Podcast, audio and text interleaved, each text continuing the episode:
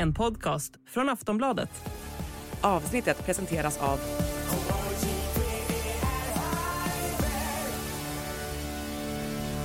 Stödlinjen.se, åldersgräns 18 år.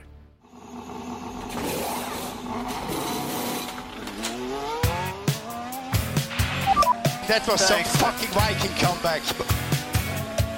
Debris uh, behind. There's something strange with the engine.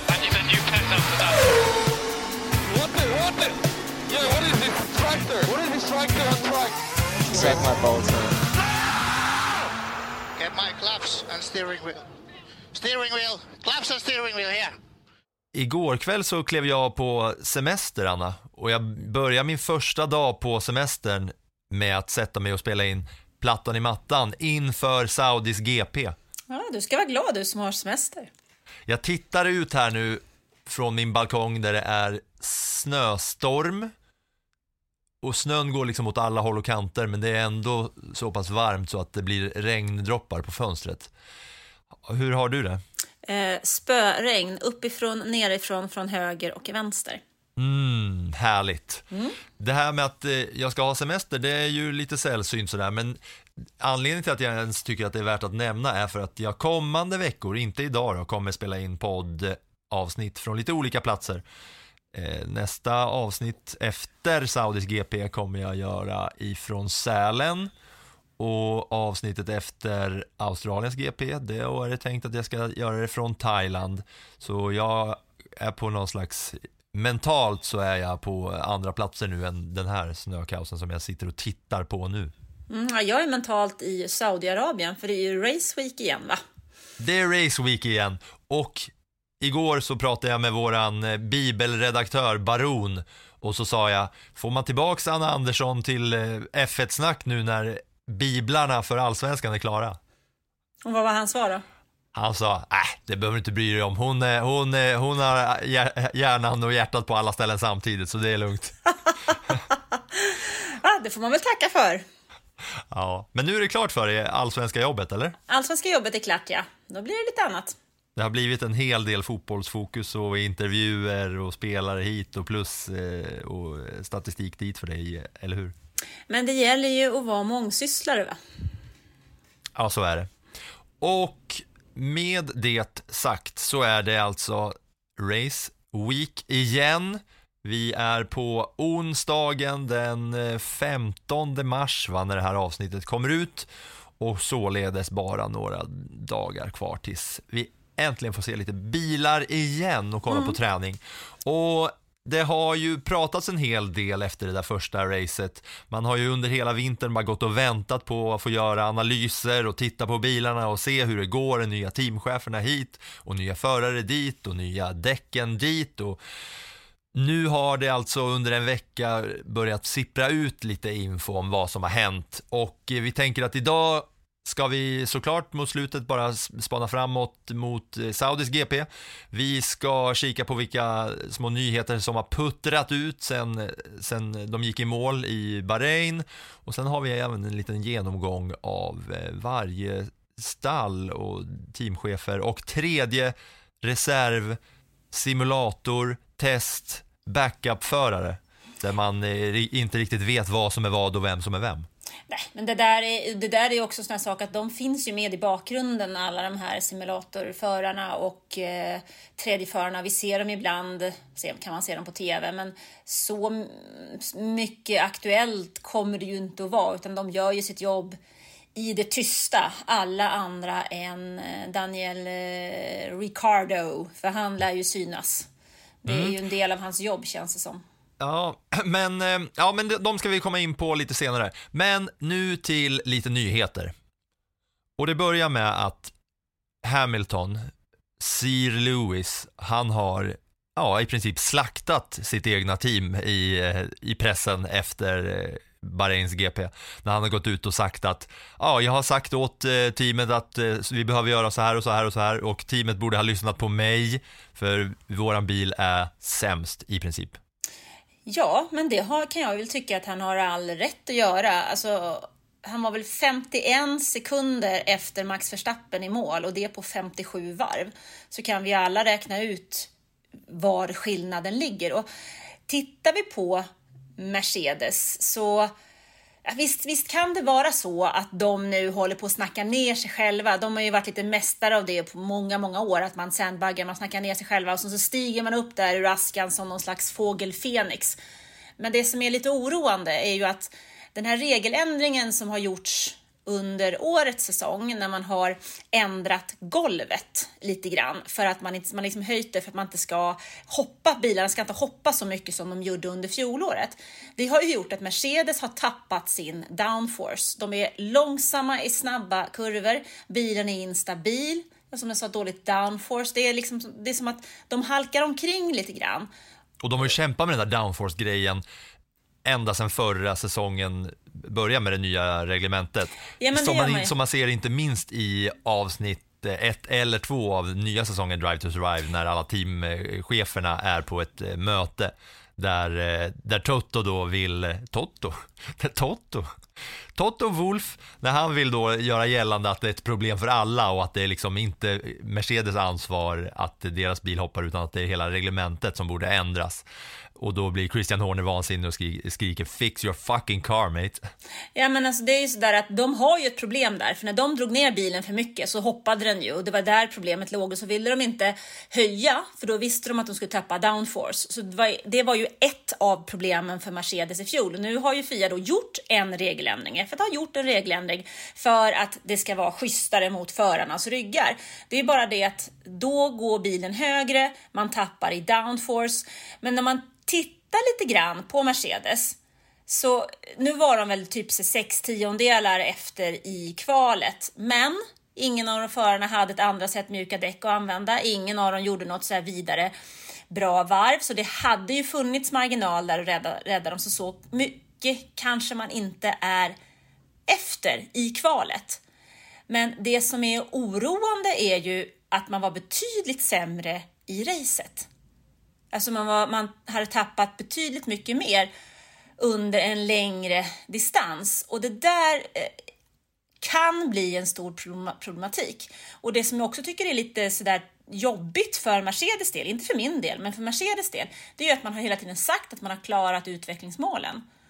Och om man då har klarat utvecklingsmålen och man får data från vindtunneln så stämmer inte den när man kommer ut på banan. Då hamnar man ju i ett stort problem när de siffror som man får, för eftersom man inte får testa någonting på banan utan testandet görs i datorer och vindtunneln, om det då inte stämmer med verkligheten så blir det ett stort problem.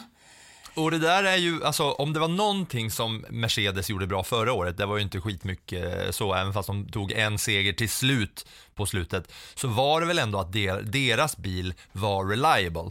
Att när de väl var på banan så såg den, den i över 60-70 varv så var den ofta bättre än många andra som utklassade dem på kvalen när det bara handlar om att vara snabb på ett varv. Så var Mercedes ändå ganska pålitliga när det handlade om att köra i över en timme. Ja, man var, man var tillräckligt snabb liksom över, över en racedistans. Men nu är ju problemet att, att eh, lägger man bilen, alltså Red Bull, den är ju så pass bra och den kan ju nästan slicka marken.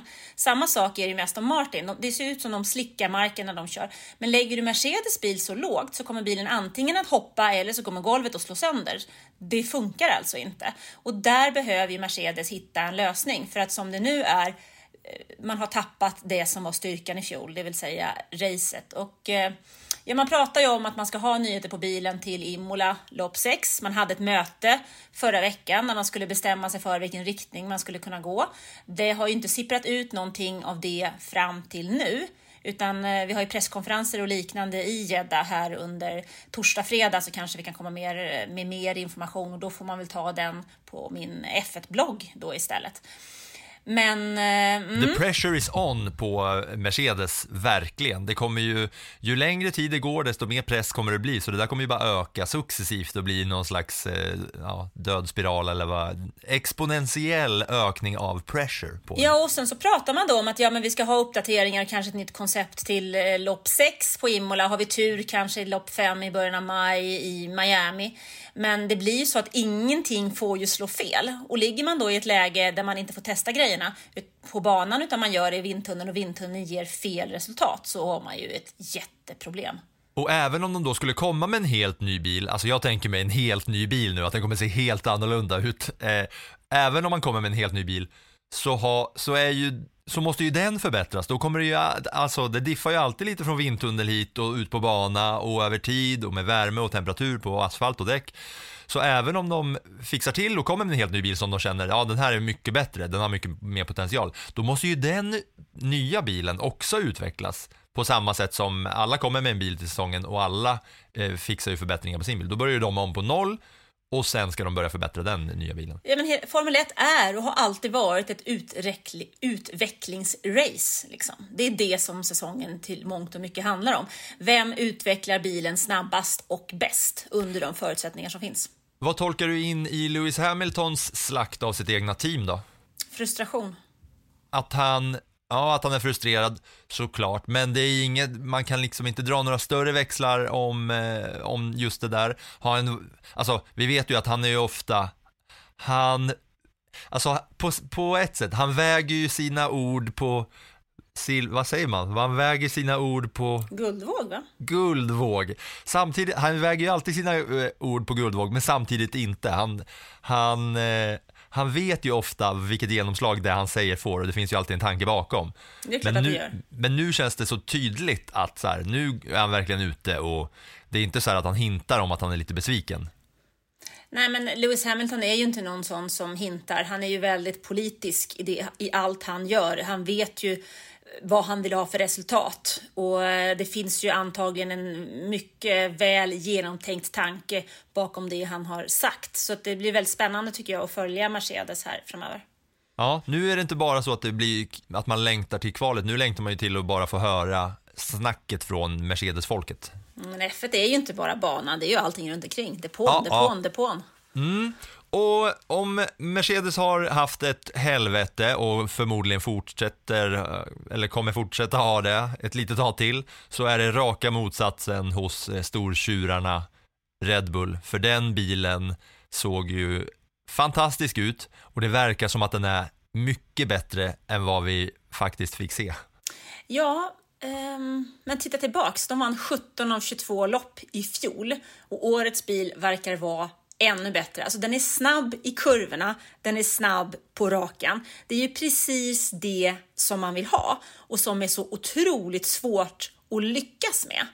Och det som också är lite sådär, nu pratar man redan nu pratar liksom Red Bull om att det kommer en ny uppdatering till det tredje loppet i Australien och sen ytterligare en större uppdatering till lopp fyra i Azerbajdzjan och det gör ju verkligen att de andra teamen har ju inte råd att tappa någonting. De måste ju äta upp det här gapet liksom redan eh, typ igår. Jag stannar och, och skrattar lite tyst för att jag vet att Azerbajdzjan är lite av din akilleshäl. Men nu tror jag att det var Azerbajdzjan. Nej, Azerbajdzjan sa jag. Ja, det sa du. Ja, den som klipper den här podden får väl spola tillbaka så kan vi lyssna på det. Det blir kul. Azerbajdzjan. Oavsett. Men alltså, Red Bull eh, har ju också då, där, de som har, eh, man kan ju följa varje förares radiotrafik om man har F1 TV Pro och eh, då har det kommit ut på eh, sociala medier hur Verstappen kommunicerar med sina, ja, kom, vad, vad, vad heter de? De är race-strateger och race directors. Det är alltid så svårt med alla olika termer och det kommer vi komma in på här nu. Gänget vid depådesken helt enkelt. Ja, exakt. De är på Verstappen och säger åt honom att håll bara 37,0, håll dig på de här jämna varven. Medan han bara, jaha, ni vill att jag ska åka långsammare? Ja, ja, jag pushar inte ens bilen. Vi kan lyssna på hur det låter eh, i den där eh, trafiken. So gap to Leclerc 23.5 max. Just bring this one home. With, just bring it home, Max. Okay, 37 zeros, please, mate. Uh, Leclerc 37.2. So target 37.0. I'm happy to go slower, but then we both go slower. There is no race at the moment, Max. So target 37.0, please. 37.0. Max. So you're looking for plus 0.7. Plus 0.7 on the dash. I'll get bored of this, so just please do it. Och då tolkar man ju alltså in här att den här bilen, han kör inte ens den på sin limit på, samma, på sättet som en F1-bil äh, ska köras. Utan de är liksom på, de är inte ens uppe på 95% känns det som.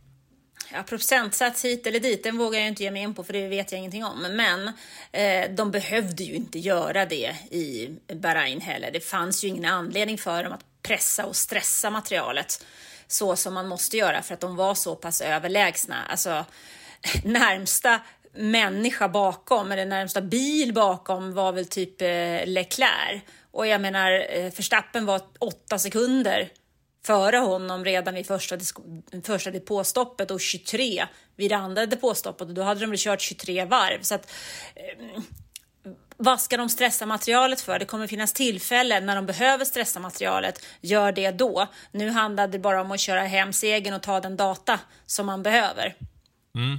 Ja, jag tror ju att vi har mycket mer att vänta från den där Red Bull-bilen, eller båda Red Bull-bilarna framför allt. Men just att eh, man får här se svart på vitt att de liksom ser till att Verstappen inte pressar bilen to the limit.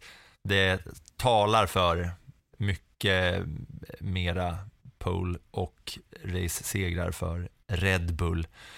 Och sen är det Ferrari då, eller har vi något mer på Red Bull kanske? Nej, jag tycker vi kan gå in på Ferrari. Ja, för ehm. där är det ju också inte lika ruttet som hos Mercedes rent eh, race pace-mässigt, men det är lite mm, varningens fingrar i och med att reliability var problemet förra året och i år så börjar det med samma typ av problem, en bil som inte klarar av att köra hela vägen in i mål. Nej, det känns ju som att man har tagit med sig de problemen man hade i fjol in i den här säsongen. Och eh, I Bahrain var det tydligt att man tappade fart i långsamma och medelsnabba kurvor och hade ett högt däckslitage. Enligt Fred Vassör då så handlar det inte om koncept utan om setup. Men tittar vi tillbaks, alltså de, i fjol hade de också lite samma mm, tendenser, alltså snabba på ett varv, pole position, ofta Ferrari.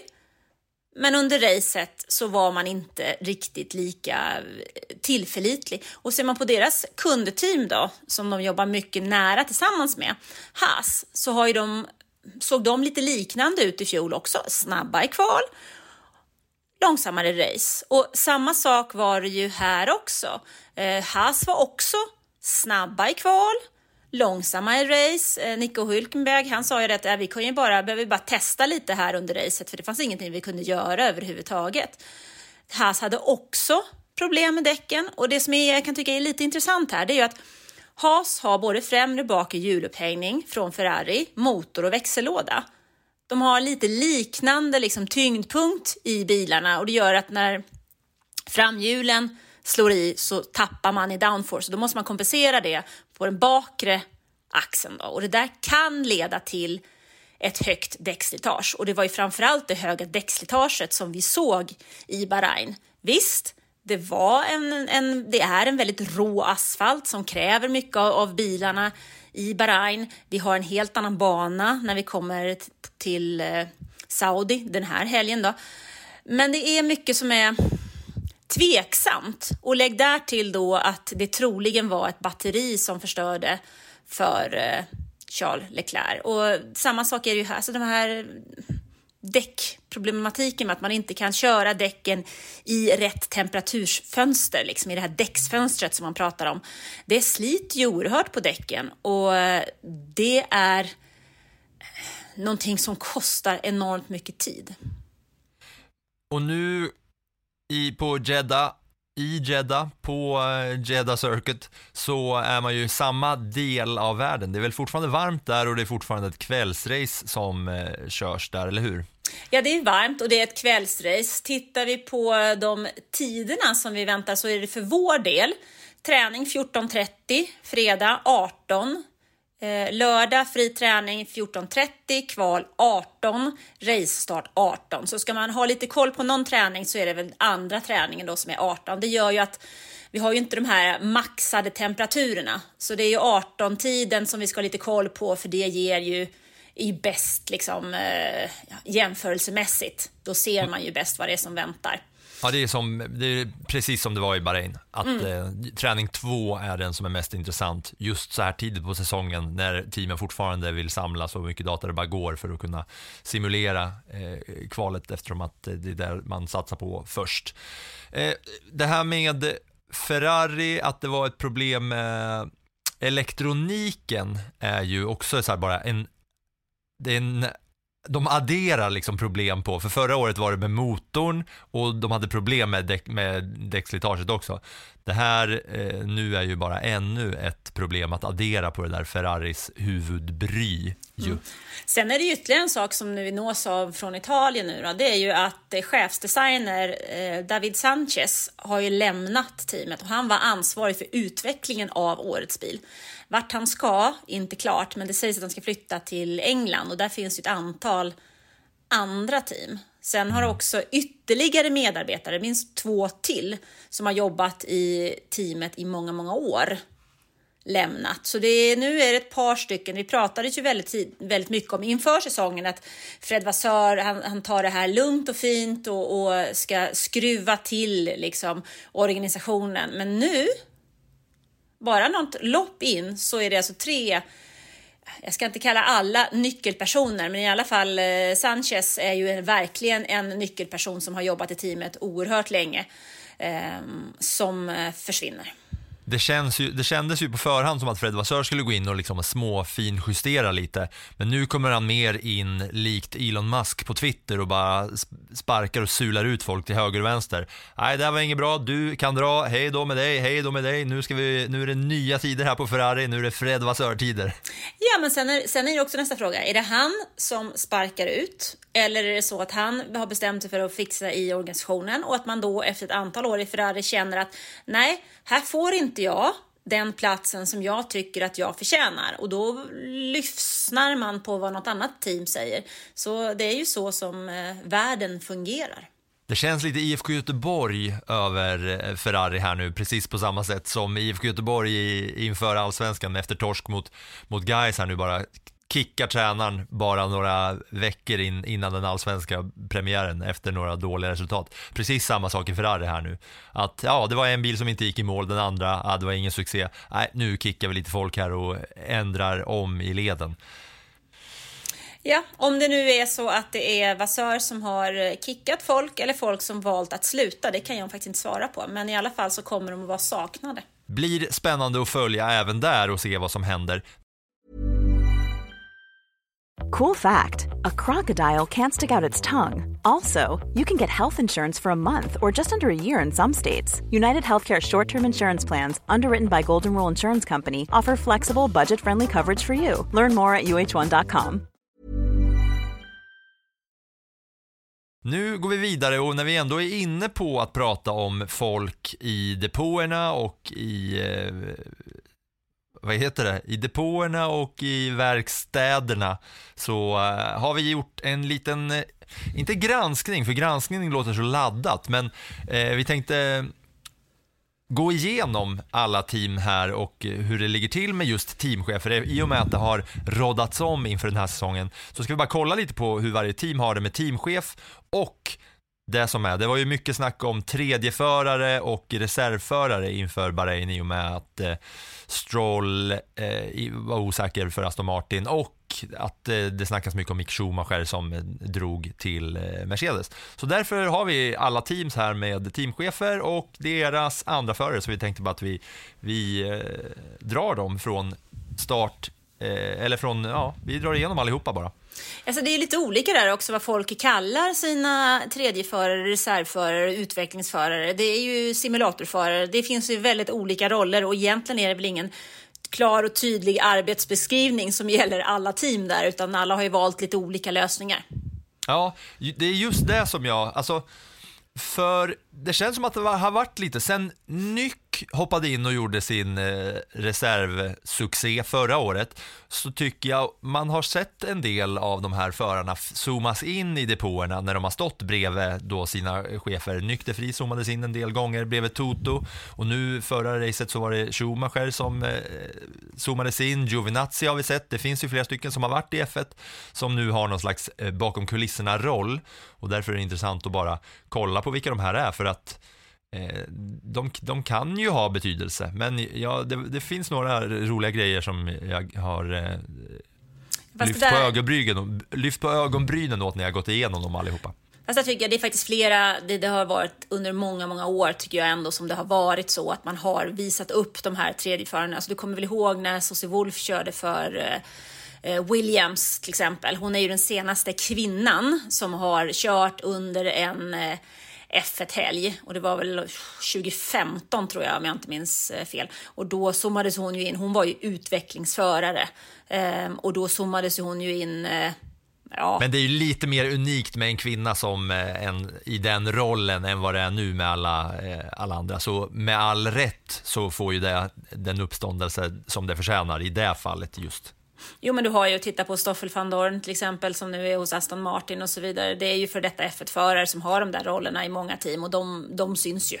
Ja, men vi börjar hos Mercedes då, eh, när du var inne på Wolf, för eh, Karn där, Toto Wolf, eh, det är ju ingen som har missat. Det är ju, de, har ju varit, de är ju två stycken som, är, som spelar huvudroll i, i det här eh, actionspäckade F1-dramat. Det är Toto Wolf och Christian Horner. Men Toto Wolf som började i Mercedes 2013, han har sju förar-VM, åtta konstruktörs-VM, 115 GP-segrar. Och i Mercedes så är det klart och tydligt, det är Mick Schumacher som är tredje förare. Det är ju många andra team som har flera på olika roller. Eh, och som du säger, att ah, det finns ingen liksom tydlig riktning för så här går det till med tredjeförare, simulatorförare, testförare. Eh, så alla teamen har lite olika lösningar och vissa förare är i flera team samtidigt. Men för Mercedes så är det ju Mick Schumacher och där behöver vi väl inte säga så himla mycket för honom har vi ju snackat tillräckligt mycket om förra säsongen. Det finns lite mer intressant när man kollar på de andra teamen. Det som är lite spännande där, eh, som man kanske inte har koll på när det gäller Toto Wolff, det är ju faktiskt att han klev ju in i F1 genom att köpa in sig i Williams. Eh, Mm. 20, 2009 någonstans. Ehm, och han var också eh, execu- vad heter det? executive director för Williams F1 under en eh, tid. Fram, ja, var det inte då som Pastor Maldonado förresten? Pastorn, sitt- superpastorn. Superpastorn. Ja, men Som fyllde tog- år häromdagen. Var, då blev jag glad när du skickade till mig i vårt eh, interna kommunikationskanal på Sportbladet. Happy birthday, Pastor Maldonado, greatest Jo, of all time. Ja, men han vann ju faktiskt ett lopp där för Williams 2012 och det var väl det senaste loppet som Williams har vunnit. Eh, och då tror jag faktiskt att, att eh, Toto Wolff hade en stor roll hos Williams. Och det hade han ju fram till dess att han då lämnade för Mercedes. Eh, men hans fru, som sagt, eh, Susie, eller Susie, hon är ju brittiska, hon eh, körde väl det där tre år som utvecklingsförare. Ja, long Mm. story kort. Ja, men eh, de där storiesarna, de ska få ta sin plats, Anna. Man, eh, de, du, du får gärna leverera dem hur långa du vill. Mercedes eh, där, Red Bull, där är ju- där är det ju alltså då den andra, kanske den eh, som har tagit över huvudrollen lite mer nu de senaste åren, Christian Horner.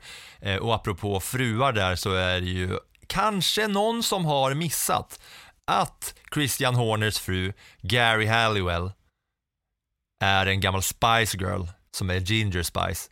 Och det är ju roligt att hon har varit en av de absolut största popstjärnorna i världshistorien om man kollar på vad Spice Girls var under 90 och tidigt 2000-tal, mest 90-tal va. Att hon syns i periferin bredvid Christian Horner hela tiden i eh, Drive to Survive och sådär. Att det är han som är huvudrollen i, i den där familjen när man kollar på, när man kollar på Drive to Survive. Men, men hon har ju varit en av världens största popstjärnor någonsin. Men nog om fruarna kanske va? Ja, Cre- han hade väl faktiskt, han var faktiskt ihop med någon annan kvinna där innan han träffade henne som han faktiskt har barn tillsammans med och sen så lämnade han henne för, för eh, Ginger Ge- Spice. Ginger Spice, ja. Mm. Kanske många som lyssnar på den här podden som inte var med på 90-talet. Vi kanske har några stycken som är födda runt 99, 00 och senare och då kanske man inte var så himla medveten om eh, det stora liksom Cheiron popundret med Backstreet Boys och eh, Spice Girls och Westlife och hela eh, Max Martins eh, liksom... Eh, ja, du får väl ja. köra en, en musiksnutt där så mycket du får, höll jag på att mm. säga. Ja.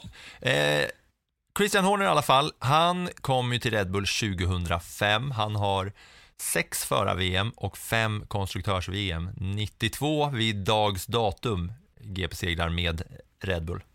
Horner är ju en liten intressant figur. Han kom ju då, han var alltså eh, teamchef i Formel 3000 för det team som Björn Wirdheim körde när han vann och var helt överlägsen i Formel 3000, nuvarande Formel 2, 2003. Och man kan ju också leta upp den här lite roliga sekvensen på Youtube när Björn Ja, den är helt sjuk. Den här, alltså det är så sjukt när jag såg den första jag, har inte, alltså jag såg det förra veckan, det här som Anna är på väg att, att berätta. Alltså jag känner till det, men jag har, jag har liksom, jag har inte sett det. Det är en Björn Wirdheim håller på att vinna Monaco.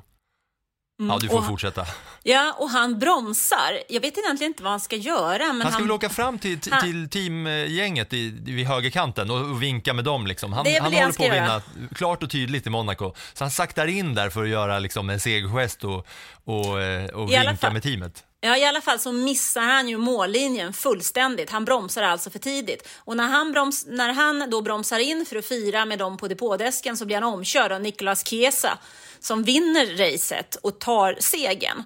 Eh, Horner som då är teamchef för Björn Wirdheims stall, Arden är det väl, tror jag, blir ju, han ser inte riktigt nöjd ut när han får ta av sig hörlurarna och kliva ner där.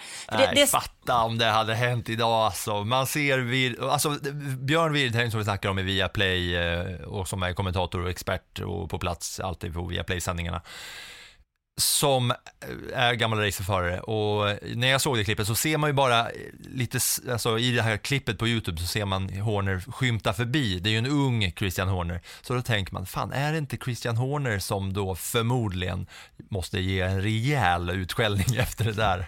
Alltså, Wirdheim vinner ju hela säsongen det här året och det som är lite intressant är att han går alltså och blir eh, testförare hos Jaguar året efter och Christian Horner är hans manager. Jag pratade faktiskt, jag vet att jag pratat med eh, Horner om Wirdheim under den här tiden, liksom vilka chanser han har i Formel 1 och så vidare. Och sen slutar det nämligen med att Jaguar, som då är Fords team, de lämnar F1 för satsningen är alldeles för dålig och alldeles för dyr. Och teamet köps av Red Bull. Red Bull sätter dit Horner som teamchef. Men Horner dissar Wirdheim fullständigt. Han får ingen eh, testförarplats, han får ingenting. Hans kontrakt är med Jaguar. Jaguar finns inte längre.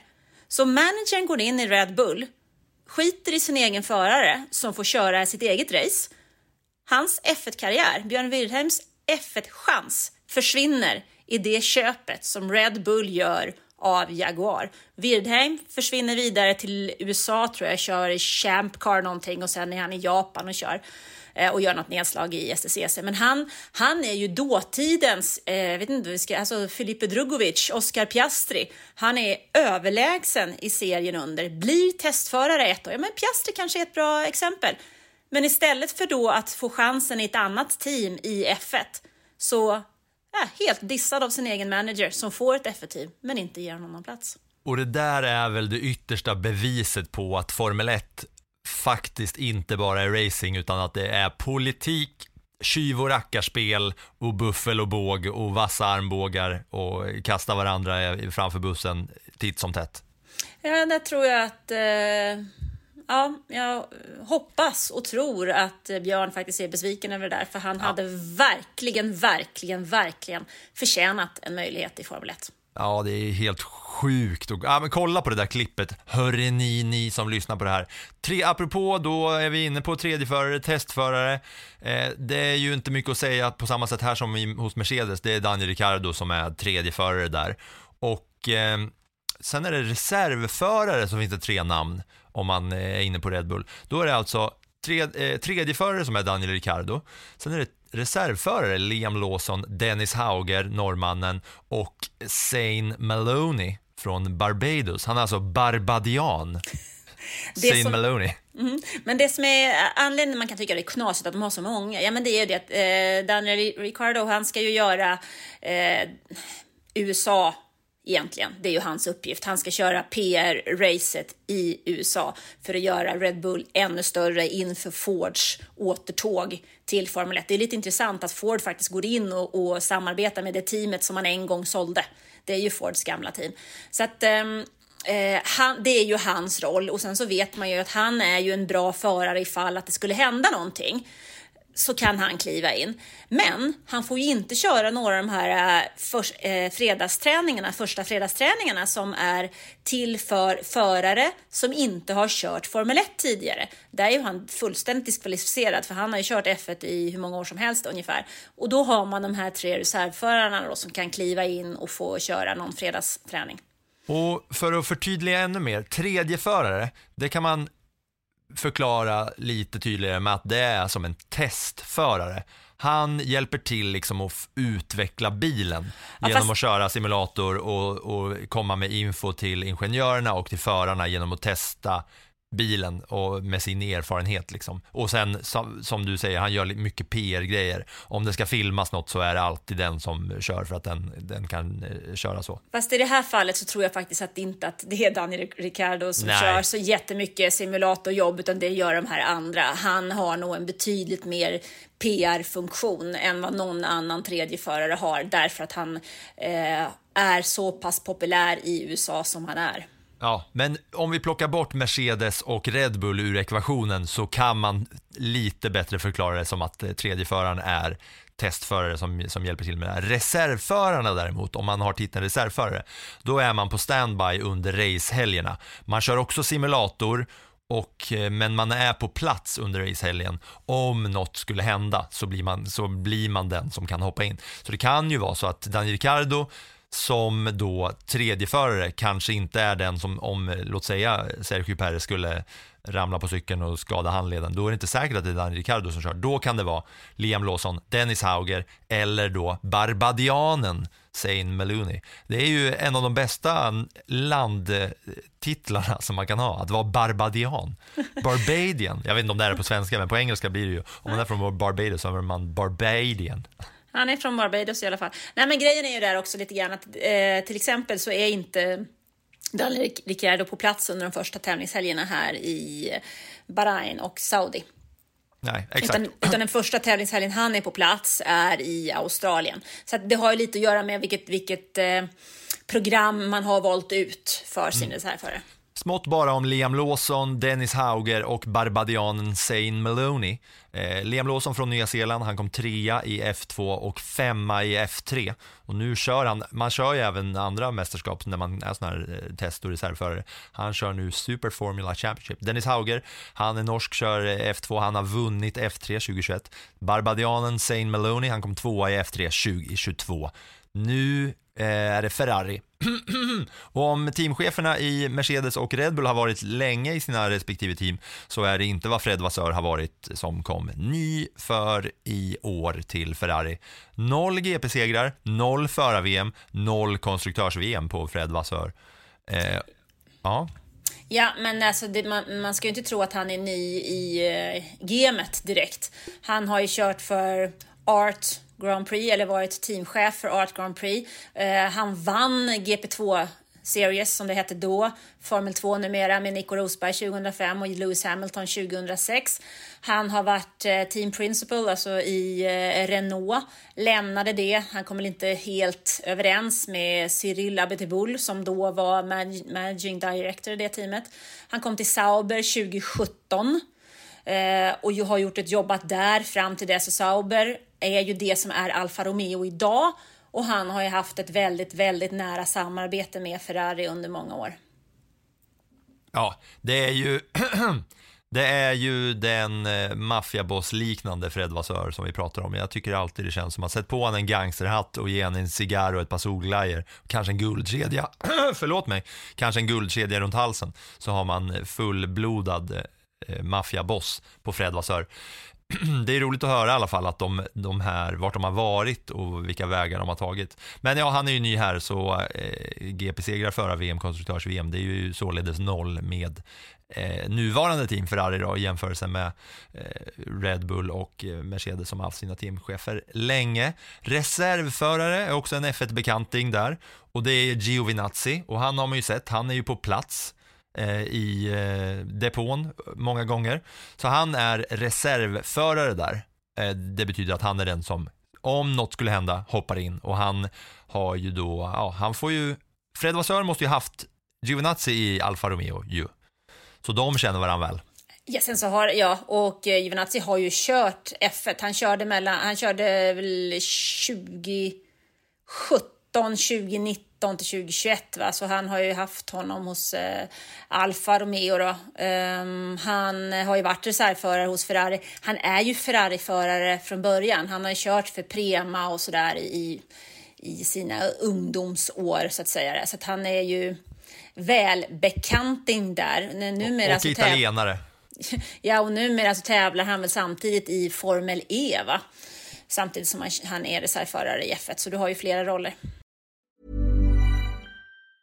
As a person with a very deep voice, I'm hired all the time for advertising campaigns. But a deep voice doesn't sell B2B, and advertising on the wrong platform doesn't sell B2B either. That's why if you're a B2B marketer, you should use LinkedIn ads. LinkedIn has the targeting capabilities to help you reach the world's largest professional audience. That's right, over 70 million decision makers all in one place. All the big wigs, then medium wigs, also small wigs who are on the path to becoming big wigs. Okay, that's enough about wigs. LinkedIn ads allows you to focus on getting your B2B message to the right people. So, does that mean you should use ads on LinkedIn instead of hiring me, the man with the deepest voice in the world? Yes. Yes, it does. Get started today and see why LinkedIn is the place to be to be. We'll even give you a $100 credit on your next campaign. Go to linkedin.com slash results to claim your credit. That's linkedin.com slash results. Terms and conditions apply. Sen har de då en testförare som heter Robert Schwarzman och om man som jag tycker det är roligt att, eller roligt, som reagerar på att Alex Albon är thai-britt, att det är en kul blandning, så är Robert Schwarzman ryss-israel. Eh, ja. Han vann F3 2019, kom fyra i F2 2020, tvåa i F2 2021 och eh, han var testförare för Ferrari 2022 och eh, ja, han har varit där en liten stund va. Han tävlade väl med rysk licens också fram till dess att Ryssland invaderade Ukraina. Då bytte han licens till en israelisk för att kunna fortsätta. Ryss-Israel. Men det som är intressant här nu att vi kollar på de här reserv och testförarna för Ferrari är ju Prema här, eh, Robert Schwarzman och jag tänker på eh, Dino Beganovic som kör F3 och också är Prema. Då ser man här att eh, Schwarzman han vann F3 2019 och sen hoppade han upp steget till F2 2020 och sen så fick han börja eh, komma in och reserv och test för, köra för stor Ferrari eh, förra säsongen, så det är ju vägen där. Ja, fast det behöver ju inte vara det. Felix Rosenqvist körde också för Prema. Han är numera i Indycar och har aldrig varit nära Formel 1 överhuvudtaget. Han har ju kört Formel E innan. Så att Prema är ett team som levererar många toppförare, men det garanterar inte en väg till F1. Absolut inte. Aston Martin, där är det min favorit, rent namnmässigt. Jag tycker att det var kul att säga att Zayn Maloney är Barbadian, så jag tycker det är roligt att superbossen i Aston Martin är Micke Krack. Mm, från Luxemburg. Krack-Micke från Luxemburg. Det låter, inte som, det låter mer som att det är en snubbe som man ser på den lokala alkisringen i valfri svensk småstad. Micke Krack, Krack-Micke. Och Micke Krack, han har inte varit i Aston Martin eh, särskilt länge. Nej, 2022 så klev han dit när det blev klart att Ottmar Snaff... det är bra namn. Micke Krack och Sa... Safnauer heter han. Ja, Ottmar Safnauer. Det är ju, alltså jag är glad att jag inte heter det efternamn. Då hade man ju fått bokstavera varenda gång man skulle ringa någonstans.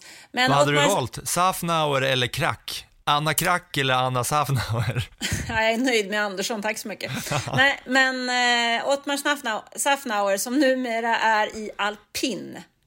är det ju, som var i Aston Martin, Racing Point, eh, Force India, allt vad det heter, under en längre period, men sen inte alls kom överens med eh, Lawrence Stroll. Eller vad var han ut, som han uttryckte sig, att det kunde inte vara två påvar i en kyrka eller något sånt där. Så då lämnade han och då dök eh, Mickey Crack upp. Um, Mickey Crack, ja, varje gång.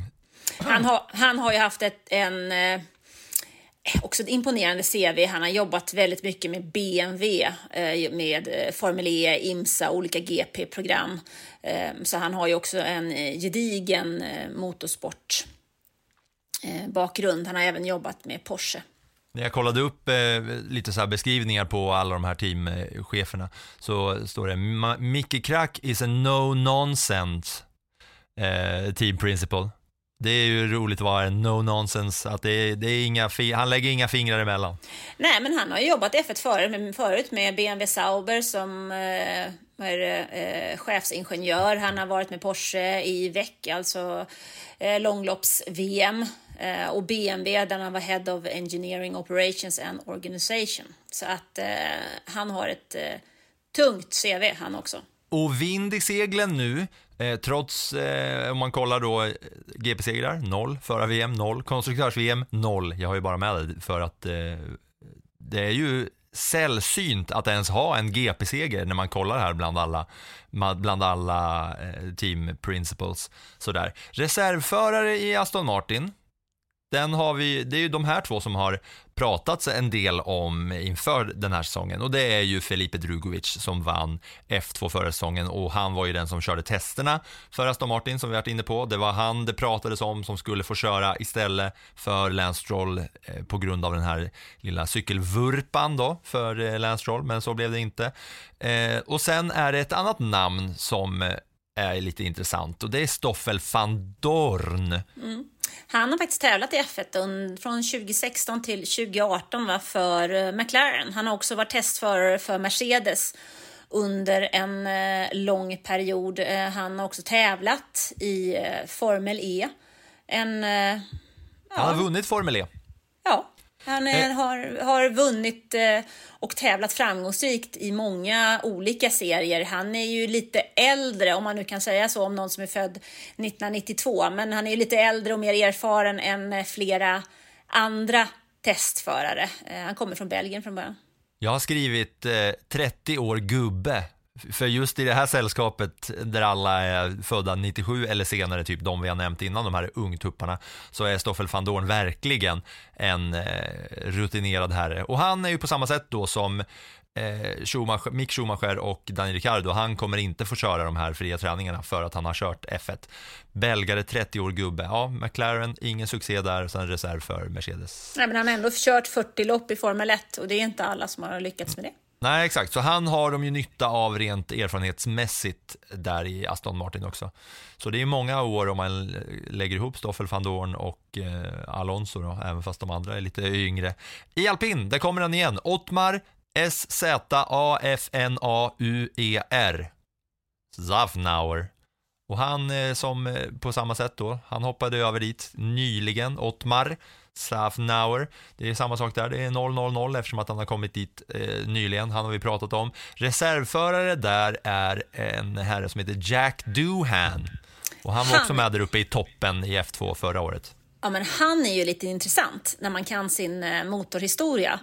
För hans farsa heter ju Mick Doohan. Och Mick Doohan är ju en legendar när det gäller motorcykelracing. Han har vunnit eh, MotoGP, eller dåvarande 500cc, världsmästerskapet, fem gånger. Så att eh, det här har vi ju nu en riktig eh, motorsportfamilj. Racing in his blood. Det är, det är väl det minsta man kan säga, även om då Jack har valt fyra hjul istället för två. Mm. Han kom sexa förra året i F2. Det var ju lite av ett getingbo där uppe i toppen när det var det här eh, spännande med om Logan Sargent skulle ta sina sista poäng för att få sin superlicens. Eh, de var ju en, de var en bunt där uppe i F2. Han kom tvåa i F3 2021. Då körde han för Trident och det reagerar jag på. Det är ju tandkrämsmärke när man är i USA. Ehm, han, där, de har bara en uppskriven då reservförare och det är Doan. Sen är det Alfa Tauri och där har vi en rutinerad herre som styr och ställer i teamet. Med också ett bra namn, Frans Toast. Frans Toast. French Toast. Frans Tost. Ja, så ska det uttalas ja. Frans Toast. Alltså han har ju, han har ju varit egentligen i det där teamet sedan det grundades. Han är väl den, den teamchef som har varit längst på sin post överhuvudtaget. Han är ju på något sätt ett med Alfa Tauri och eh, har ju en väldigt stark relation med eh, Helmut eh, Marko som är eh, talangutvecklare hos Red Bull. Ja, det är ju tydligt att de Red Bull, de stor och småtjurarna, de har samma taktik. För det är Christian Horner och Tosten som har varit där från början i respektive team. Han var med där när de, eh, ja, du berättade ju på Red Bull hur var de, deras takeover med teamen fram och tillbaka. Eh, Alfa Tauri tog över Minardi och då var det Toro Rosso från början innan det blev Alfa Tauri senare. Han har faktiskt för att om man, när jag har gått igenom de här, det är väldigt få av de här herrarna som faktiskt har GP-segrar bara. Alltså det är få, få som har konstruktörsmästerskap och VM-mästerskap.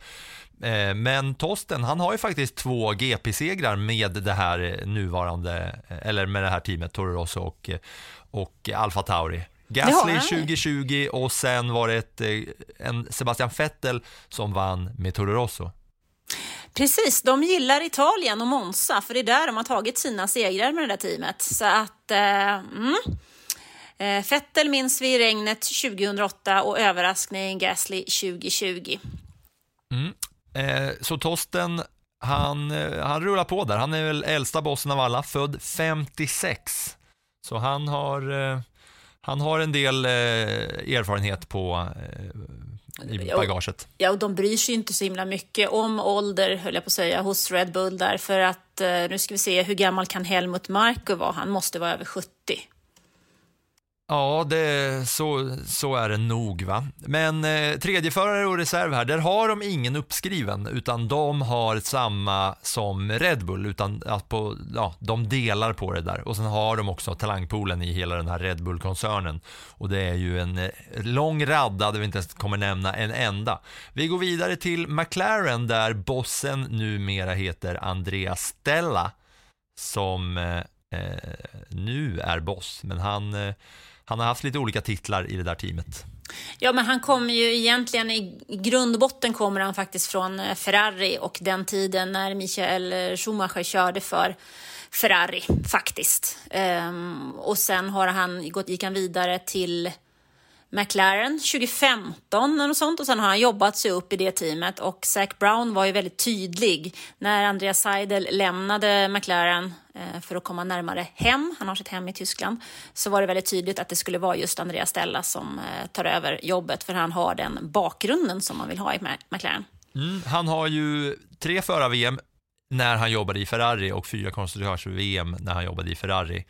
Eh, och sen i McLaren så har han också en GP-seger, trots att han inte var boss då, han var, hade ju något annat. Det var ju eh, deras 1-2 på Monza när Ricciardo vann och eh, Norris kom tvåa. Där de, eh, ja, det var väl det där loppet när Max Verstappen hoppade på huvudet på, på eh, Lewis Hamilton. Mm, ja, det är eh, Stella. Det känns som att, ja, är han din favvo eller? Min favvo? Ja, jag undrar.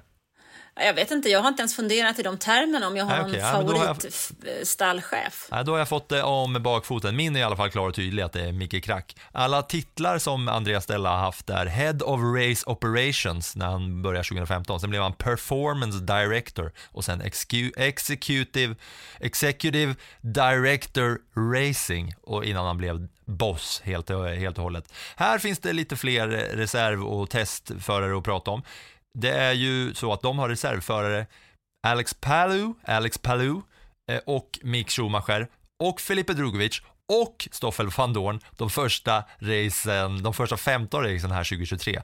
Och eh, Palou är väl något du kanske vill säga något om? Ja, men det är ju en intressant kille. Det, han eh, bevisar ju på något sätt helt enkelt McLarens anknytning till Indycar. Och där är det ju lite märkligt. Alltså man, man kan säga, vadå anknytning hit och dit? Han kör ju faktiskt för eh, eh, Chip Ganassi Racing. Ja, det gör han, men det var ju en himla hallå i fjol när han faktiskt hade skrivit på även för McLaren. Så man fick ju göra en, det var lite samma historia i Indycar som vi hade kring Oscar Piastri i Formel 1. Så att man valde väl då att göra någon, någon eh, vi kan väl kalla det för en abrovink, helt enkelt. En vadå? Så, abrovink. Ja, fortsätt då ska jag se om jag förstår vad det betyder. um, och i den så valde man då helt enkelt att se till att han kan vara kvar i Chip Ganassi men ändå köra för McLaren om det skulle behövas. Men det är väl någon liten eh, PR-historia där för att visa på ehm, kombinationen av, att, ehm, av F1 och Indycar för McLaren som faktiskt har team i båda två. Och de visar tydligt sin koppling till att inte riktigt ha sitt på det torra när det kommer till kontrakt. Om man tänker på hela Oscar Piastri-situationen också. Att det går lite hand i hand där, både i Indycar och F1, att det går åt helvete med kontraktskrivningen. Ja, det var väl inte helt enkelt eh, där, att man hade koll på vad som gäller. helt enkelt. Men eh, vad, kan, vad kan vi säga mer om Palou? Han är eh, spanjor och han vann faktiskt Indycar 2021. Han vann mästerskapet då. Femma förra året. Sen är det eh, två till namn på, som är test och eh, utvecklingsförare. Will Stevens och Oliver Turvey. Och de två är också gubbar i sammanhanget där Will Stevens är eh, 31. Han har kört ett race för Caterham och så har han kört för eh, Marussia, hette det teamet. Och sen, eh, ja, han har startat eh, om det är 18 eller 20 i F1-lopp där 2014, 2015. Han har varit testförare på lite olika ställen, men han är ju också, som sagt, han har ju e, erfarenhet för att inte köra de här träningarna. Sen har vi en intressant eh, gubbe här, för han är den äldsta gubben. Han är 35 bast, Oliver Turvey. Han är britt, 35 och han har varit testförare i olika team sedan 2009 utan att få köra ett enda enstaka lopp. Då undrar man ju lite grann vad han har i, eh, i eh, bakfickan på någon annan då. Ja, men det är, det är någonting som är intressant med den här Oliver Turvey för att 2009, det är alltså länge, länge sedan som han då har varit testförare varje säsong för olika teams och inte har fått köra ett enda lopp. Och han kommer man ju inte få se, men det känns, han känns mer som en sån här, du vet i NHL så har de ju hemmalagen, eller i NHL så har de alltid en de har ju reservmålvakt som de alltid har med sig på bänken, eh, backup eh, goalie. Men varje hemmalag har som ansvar att ha en reserv, reservmålvakt för båda lagen som får hoppa in ifall bo, ena lagets båda målvakter skadar sig. Och det finns några sådana roliga stories i NHL. De här som då, då får de liksom, de får ingen betalning utan de får komma, de måste vara amatörer och de får komma till eh, arenan, de får liksom gratisbiljetter för att gå på match hela tiden. Och sen har det hänt ett par gånger att de här eh, då som spelar liksom pub publigan, eller vad man ska säga, Korpen, Korpen, eh, hockey, ho, korp, Korpen Hockey i USA och i Kanada. Hockey, hockeybockey liksom. Ja, exakt. Sådana gamla gubbar och dårar som har hoppat in i NHL då, som inte har liksom spelat en match någonsin, men som får hoppa in och kasta in i hetluften i en eh, match och, och många som har gjort det, gjort det bra. Oliver Turvey känns lite som en sån gubbe. Han är glad för, för att få eh, hänga med along the ride. Vi hoppar till Haas, där har vi mångas och även då känslomässigt mångas favorit, Günther Steiner, den gode Günther. Han har också varit i Haas eh, ett bra tag, 2014. Och där har, ja, det är ju Haas, de har inte vunnit någonting även fast de tog en pole förra året. Mm, de har en reservförare som heter Pietro Fittipaldi och eh, den pappan, Fittipaldi, har du väl säkert något att säga om gissar jag på. Ja, eller farfar faktiskt. Måste ja, är det så det? Ja, för han är, han är gammal, är, eh, han är Emerson. Alltså, han är alltså barnbarn till den tvåfaldige världsmästaren Emerson Fittipaldi. Eh, och han har väl gjorde sin F1-debut i, på Sakir, Bahrain, det var 2020 när han ersatte Romain Grosjean som var skadad. Eh, och han fick brännskador där, Grosjean, och då fick eh, Pietro Fittipaldi hoppa in Ja, farfarn är legendarisk alltså och inte pappan som, som jag sa. Han körde ju de där två loppen efter Grosjean. Det var väl ingen succé där, men Haas var ju inte någon succé rent allmänt. Pietro Fittipaldi, han har kört Nascar och Indy 500 också. Eh, vill du hoppa vidare? Vill du säga något mer om Emerson Fittipaldi? Nej, men det var väl en, det Emerson Fittipaldi får vi gå tillbaks faktiskt till den tiden som eh, Ronnie Pettersson körde Formel 1 faktiskt. Han körde F1 mellan 1970 och 80 så att har ni inte lyssnat på vårt avsnitt om eh, Ronnie Pettersson så kan ni ju gärna göra det. Mm. Det ska ni göra, det är bara att scrolla ner lite i podcastapparna. Men jag vill även säga här att i F1-bibeln så finns det några fina sidor som du har gjort, Anna, där du går igenom de största förarna i olika Eh, epoker. Det tycker jag är en väldigt mysig läsning att gå igenom då vilka de, dina topp tre förare, eller ja, vilka som är de topp tre förarna om man kollar då så 50 till 59 och så 60-talet, 70-talet och hela vägen fram. Det är en väldigt fin läsning. Har ni inte eh, skaffat F1-bibeln den här säsongen så tycker jag att ni ska göra det. Det finns många bra sidor. Där har du gjort väldigt fint, Anna. Ja, men det var, tack så mycket Filip, det var snällt sagt. Nej, men det har jag faktiskt gått igenom hela F1-historien. De tre, jag, jag, får ju så himla ofta den här frågan, vem är den bästa föraren? Och jag har och, ställt den till dig många gånger också. Ja, men jag, på något sätt känner jag att jag tycker inte man kan svara på vem som är den bästa föraren för att Formel 1 har förändrats så mycket sedan starten 1950 så att jag bestämde mig för att göra en ranking på topp tre i varje decennium istället. Plus att jag då har snackat med ett par förare faktiskt eh, under den här tiden. Eh, Vi har 80-talet, Stefan Johansson, 70-talet, Mario Andretti och 90-talet, eh, Micke Häkkinen. Mm. Ja, det, det, är bra läsning och det är också kul bilder att bara kolla på bilarna, hur de såg ut på den tiden. Det är ju jäkligt intressant att se. Det är också en bra sida, den om utvecklingen. Finns också i F1-bibeln, de gillar jag väldigt mycket. Williams går vi in på nu. Där har vi pratat om herren som heter James i förnamn och nästan Wolf i efternamn, men det är Vowles som eh, nu är ny i Williams. Och han har ju tagit en hel del, för han har varit strategisk chef i Mercedes, tror jag om jag har gjort min översättning rätt. Så han har ju på samma sätt som Toto då i Mercedes, 7 förra VM, 8 konstruktörs-VM.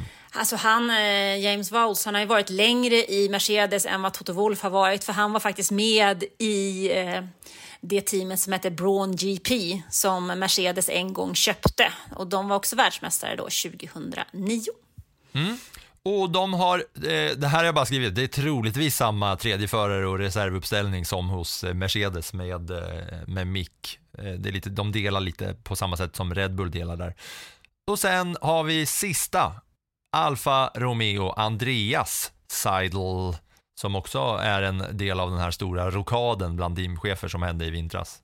Ja, han är väl egentligen inte teamchef eh, hos Alfa Romeo utan de har någon lite annan lösning. Han är någon slags VD för Sauber Group och ska leda övergången från Alfa Romeo Sauber till Sauber Audi. Mm, jag kallar honom Boss. Det tycker, jag, det tycker jag får passa. Deras reservtest, simulator, backup-förare eh, heter Theo Pourchère. Och det är en eh, herre som har eh, vunnit sex race i F2. Han kom tvåa förra året i eh, F2. Och eh, ja, han har kommit tvåa i både F3 och i F2.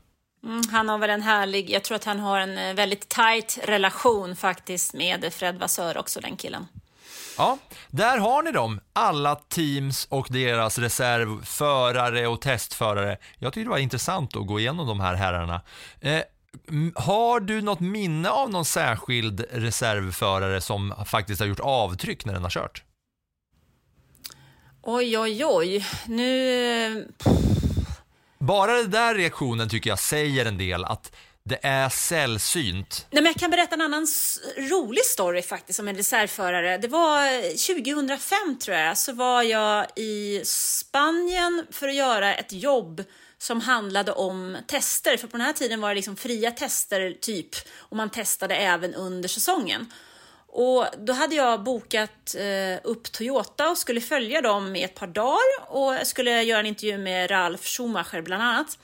Men Ralf blev sjuk och kom inte, så då vart erbjuden en, en intervju med eh, Ricardo Sonta som var test och reservförare där. Så tänkte jag, ja, ja 17, nej, men jag tar den i alla fall då. Um, man vet ju aldrig vad det kan ge. Så det här knäcket förändrades lite grann från vad jag hade tänkt till att bli någon slags tydlig genomgång av hur tester funkar. Och när jag då väl sitter där så hade jag inte jag hade då inte riktigt koll på hur lunchtiderna såg ut och vad man gör på lunchen under ett F1, eh, en F1-test. Så jag eh, hade struntat i att ta med mig papper, tänkte att det där löser sig väl. Så jag drog på, drog på min bandspelare där, men samtidigt som jag drog på bandspelaren och när jag pratar typ 30 sekunder med Ricardo Sonta så drar Bar Honda på sin motor. Och den var så fruktansvärt högljudd så att jag fick tag i någon servett liksom från bordet intill och hitta en penna i en ficka, en gammal stubbig blyertspenna som man hade tuggat sönder liksom i en ficka och börja anteckna för jag insåg att det här kommer ju aldrig funka. Jag vet inte hur många servetter jag skrev, för när jag skulle lyssna på det där sen, det var ju, ja, det gick ju knappt. Gud vad vi fick tvätta ljud alltså. Så numera åker jag aldrig till Formel 1 utan både inspelningsmanik och ett ordentligt block och 42 pennor. Ja, det är bra. Inspelningsmanik också. Det är alltid bra att ha en manik som, som Skalman har fixat. Eller Plåt-Niklas eller något liknande. Eh, ja, jag kan säga det att det finns några reservförare som faktiskt har gjort avtryck. Det var 97 så fanns det en herre som hette Alexander Wurz som eh, många kanske minns då som har följt. Han skulle ersätta Gerhard Berger som eh, missade tre race då hans pappa dog i Benetton 97.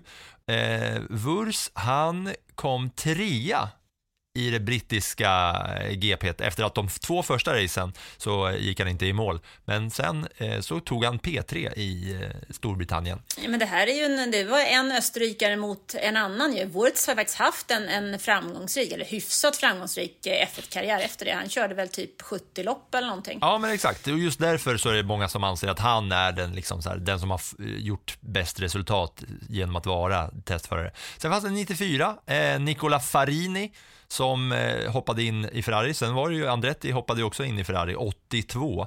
Eh, Farini då, Nicola, han eh, kom faktiskt tvåa det racet i San Marino när eh, Senna dog. Då var han eh, reserv för Ferrari där. Och sen så var det ju eh, Andretti som 82 då hoppade in för, eh, för Ferrari också och blev eh, trea på Monza. Mm. Den är faktiskt lite spännande. Det borde, den borde jag ju tagit, för det har ju faktiskt pratat om han och jag. Ja, men de är ju, alltså, bara som sagt att jag bollar upp det här på uppstuds för dig och man, det är svårt att plocka ut någon i huvudet. Det är ju att det är så många år som efter har funnits och det är så få testförare som faktiskt har klivit in från den rollen och sen skaffat sin egen eh, karriär som har varit superlyckad. Du, en liten kul grej faktiskt som jag tror att, nu, nu är jag ute och höftar här, men jag tror att faktiskt att det är så att Alexander Wurz, som vi pratade om där, han fick köra eh, med, alltså läkarbilen också vid eh, någon, något F1-lopp när föraren blev sjuk. Så då fick han eh, hoppa in och ta den. Jaha, alltså på banan då? Ja, ja. Om något så händer så är han den som kör fort som satan för att hämta en skadad förare? Ja, precis. Jaha. Kan det ha varit... Wurz. Wurz. Ja. Ja, en jävla herre. Du, nu blickar vi framåt lite mot vad som ska hända i Saudi, i Jeddah, på Jeddah Circuit, Saudis GP. Ja, vad har vi framför oss där då? Vi har ju en eh, otroligt snabb bana. 6,1 kilometer. Vi ska köra 50 varv och här kommer det att gå undan kan jag bara säga. Behöver vi inte ens eh, fundera över. Banan har varit med sedan eh, 2021, alltså 2 GP.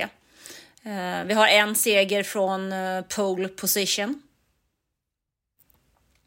Ja, det är, bara de här, det är bara de här två racen som har körts där, men det är ju mycket snack om den här banan. Det är vad man kallar då den snabbaste stadsbanan, va? Ja, precis. Om nu inte Vegas kommer gå om där och bli den snabbaste stadsbanan, om man nu kallar det till en stad och inte bara liksom cirkusfält.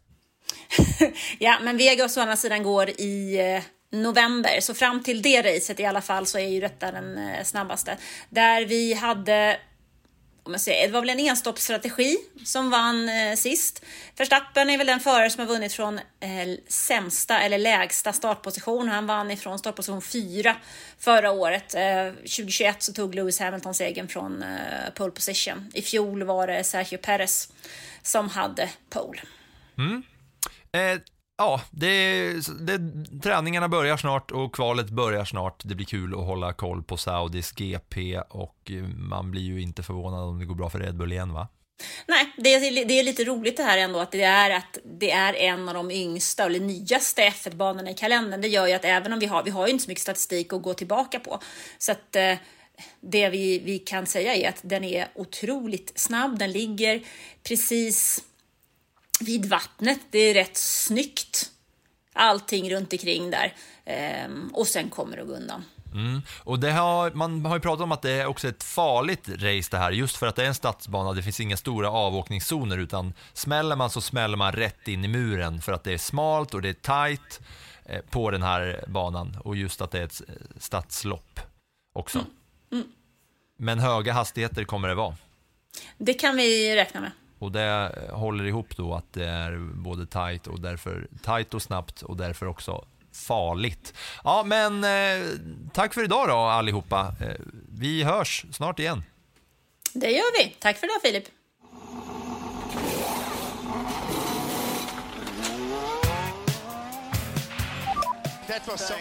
Du har lyssnat på en podcast från Aftonbladet.